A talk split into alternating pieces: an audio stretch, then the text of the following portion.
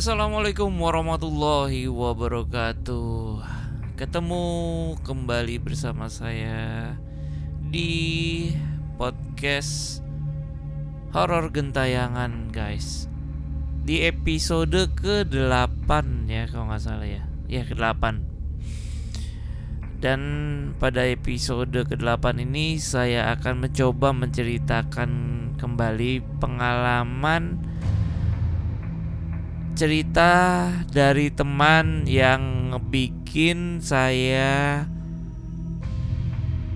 keinget-inget terus pada saat kondisi membawa mobil kali ini.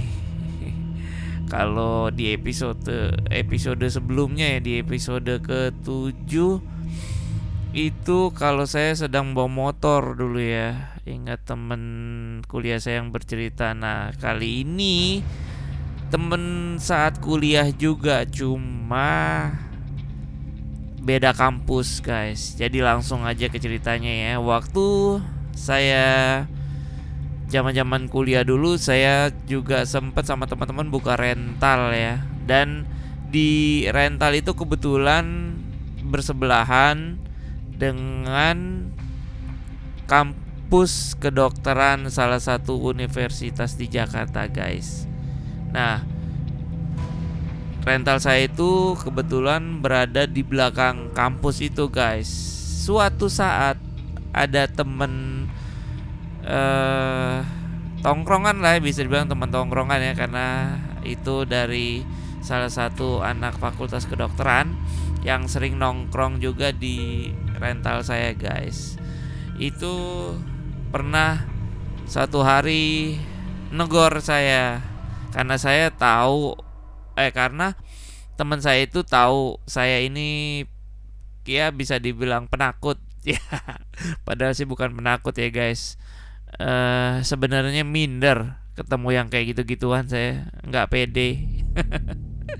Nah dia tahu saya ini penakut dan dia nanya Riko lu berani di rental tidur sendirian. Emang kenapa? Kan nggak sendirian banget kan kadang ada teman yang ikut nginep juga. Terus kalau emang mereka lagi pulang ya udah toh di kanan kiri ada juga yang nginep gitu kan di kios-kios sebelah. Jadi nggak sendiri sendiri amat gitulah ya bla bla bla lah kira-kira seperti itu. Enggak ini kan sebenarnya belakang rental lo ini itu le, lab, laboratorium anak kedokteran. Ya terus kenapa emang kalau laboratorium? Nah kalau laboratorium anak kedokteran itu biasanya kalau kita lagi ujian atau lagi belajar forensik atau apa gitu itu suka ada mayat di laboratoriumnya. Ah lo bercanda lo iya ri katanya gitu. Ya saya nggak tahu ya. Mungkin dia cuma nakut nakutin atau gimana. Cuman kan ya serem juga dikasih tahu kayak gitu. Ini laboratorium persis di belakang lo lo katanya. Lo pernah nggak e, kalau malam ngelihat ada kayak apa uh, lampu ambulan gitu? Ya suka ngelihat memang. Nah, nah itu dia biasanya ngantar malam. Waduh itu bikin tambah saya jiper juga ya.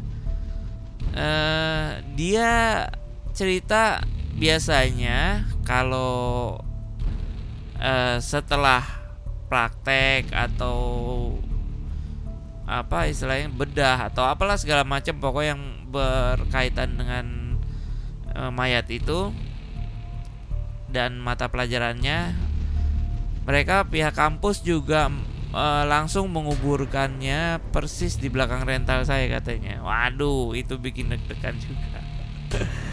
Tapi guys bukan itu sebenarnya sih yang yang bikin saya jiper.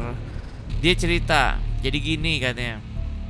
Dulu pernah ada di kampus uh, sedang ada ujian. Dan ujian itu ujian forensik katanya ada salah satu uh, mahasiswa jadi kalau misalkan ujian forensik itu ri katanya satu orang masuk ke dalam lab dan dia sendirian kalau pada saat ujian. Oh gitu. Terus kenapa? Ya pada saat ujian dia benar-benar meriksa mayat. Oh gitu. Dan lo bayangin dong satu laboratorium di kampus gue itu nggak kecil. Satu laboratorium itu bisa sekitar eh, uh, 10 meter kali berapa gitu dia bilang. Pokoknya satu ruangan laboratorium itu lumayan gede dan isinya ya biasanya uh, organ tubuh atau apa. Dan itu real katanya. Oh gitu ya. Saya juga ya belum pernah masuk ya uh, kampus kedokteran kayak gimana cuman katanya seperti itu. Nah satu orang yang lagi ujian ini katanya pernah pada saat dia ujian forensik dia masuk kemudian di meja itu sudah ada satu satu apa ya se seonggok. Pokoknya ada sudah ada mayat dan tugasnya adalah uh, meneliti tentang mayat itu bisa jadi tentang kapan dia meninggal, penyebabnya apa, terus caranya gimana, terus udah meninggal dalam berapa hari dan lain sebagainya lah katanya seperti itu. Nah, udah tuh dia mulai uh, ujian. Biasanya dia meneliti, dia uh, apa?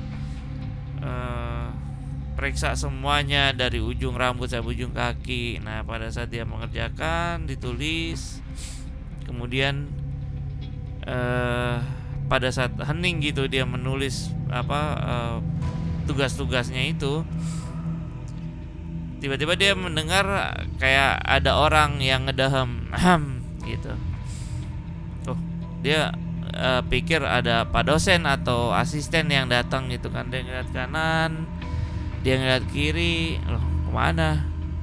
Oh nggak ada ya udah. Akhirnya dia ngelanjutin lagi. Pas dilanjutin lagi nulis lagi jawaban dari soal-soalnya itu. Kemudian ada ada yang ngedaham lagi. Oke okay, ternyata ada yang ngedaham juga ada yang ngedaham lagi gitu. Dia cari kanan kiri nggak ada. Aduh dia udah mulai agak-agak nggak nyaman katanya. Ya udah akhirnya dia cepet-cepet ngerjain ujiannya itu kan. Dia cepet-cepet ngerjain sambil sesekali dia ngeliatin uh, apa jenazahnya lagi. Kemudian untuk yang ketiga kalinya uh, ada suara ada haman lagi. Oke okay. dia ngeliat ke kiri lagi nggak ada. Pas dia ngeliat ke kanan di sebelah kanannya ada orang berdiri di depan dia ngeliatin dia yang sedang lagi mengerjakan ujian. Pas diliatin seperti itu agak apa tersentak kaget juga uh, si peserta ujian ini. Dia perhatiin mukanya kemudian dia kembali ngeliatin wajah si jenazah si jenazah ini guys ternyata orang yang berdiri di samping kanan kanan dia kalau nggak salah kanan apa kiri? Kanan kalau nggak salah. Yang berdiri di sebelah kanan dia itu adalah si sosok jenazah ini guys. Sedang memperhatikan dia lagi ujian. Dan dia tersenyum sambil ngeliatin si peserta ujian ini. Kemudian si peserta ujian ini mungkin karena dia ya menguatkan diri ya dia bilang saya tidak mengganggu saya sedang mengerjakan ujian ini. Tolong saya butuh konsentrasi. Kemudian si peserta ujian ini mengerjakan cepat-cepat uh, apa ujiannya. Kemudian setelah selesai dia buru-buru langsung kumpulin uh, hasil ujian itu. Kemudian dia cepat-cepat keluar dari lab itu guys. Dan katanya uh, nggak sampai di situ doang. Pada saat dia pulang dia mengendarai mobil dan di tengah jalan itu wah ini kondisinya malam ya guys. Pada saat dia pulang kondisi malam di tengah jalan tiba-tiba dia ngedengar lagi suara orang ngedam. Dia pikir loh ini kayak suara yang tadi tapi kan ini udah nggak di lab lagi dia pikir gitu. Aduh jangan-jangan ngikutin nih dia bilang gitu. Tapi gimana ya? Kan dia ada di dalam mobil gitu. Kemudian dengar lagi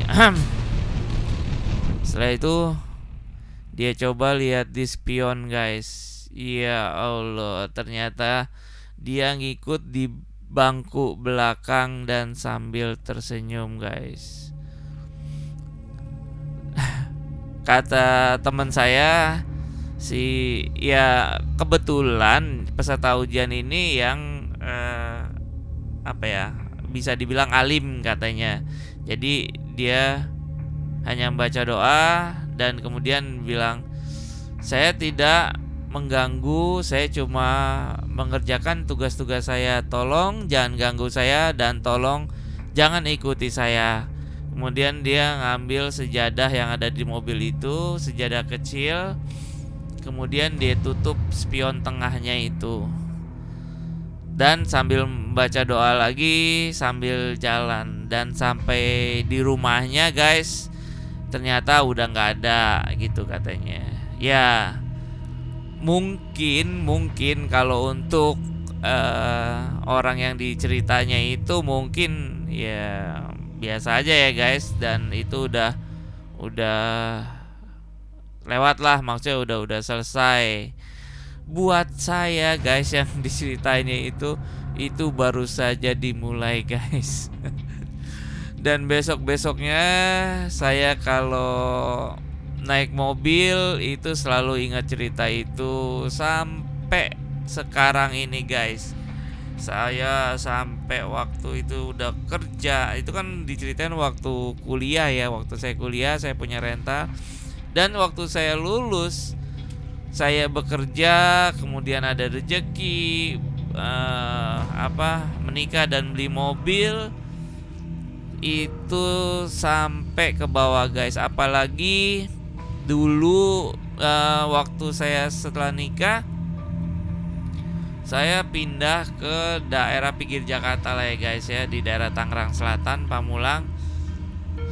Itu kalau pulang lewat mana aja itu selalu melewati TPU dan area-area yang saya lewati itu selalu jalan yang sepi kiri kanan dulu. Itu saya ingat banget. Dan saya sering pulang malam walaupun naik motor saya ingat cerita teman saya waktu kuliah dan pada saat saya bawa mobil saya teringat cerita yang ini. Aduh kalau kalau saya ingat itu waktu saya bawa mobil itu spion langsung spion tengah langsung saya belokin guys. Saya nggak berani. Itu berasa bawanya kayak memang pengen lihat spion aja pengen lihat ke belakang aja. Udah gitu biasanya kan kalau jok belakang itu ya di setiap jok ya kan ada headrest ya. Itu kalau kita ngelihat dari ujung mata ya kalau ngelihat ke dari ujung mata ke spion itu berasa kayak ah, di bangku itu ada pala orang gitu.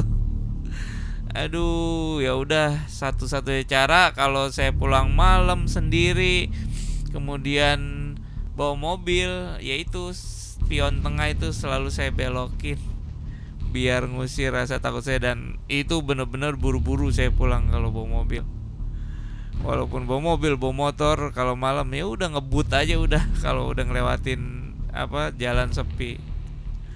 Nah gimana teman-teman? Uh, Apakah teman-teman ada cerita yang sama? Ditunggu ceritanya ya di podcast gentayangan at gmail.com Jangan lupa juga yang mendengarkan lewat Spotify di follow Yang mendengarkan di Kaskus juga di follow ya Dan yang mendengarkan di Youtube Jangan lupa like and komennya Tentunya juga di subscribe ya Di share di uh, apa sosial media teman-teman Jika memang cerita ini menarik.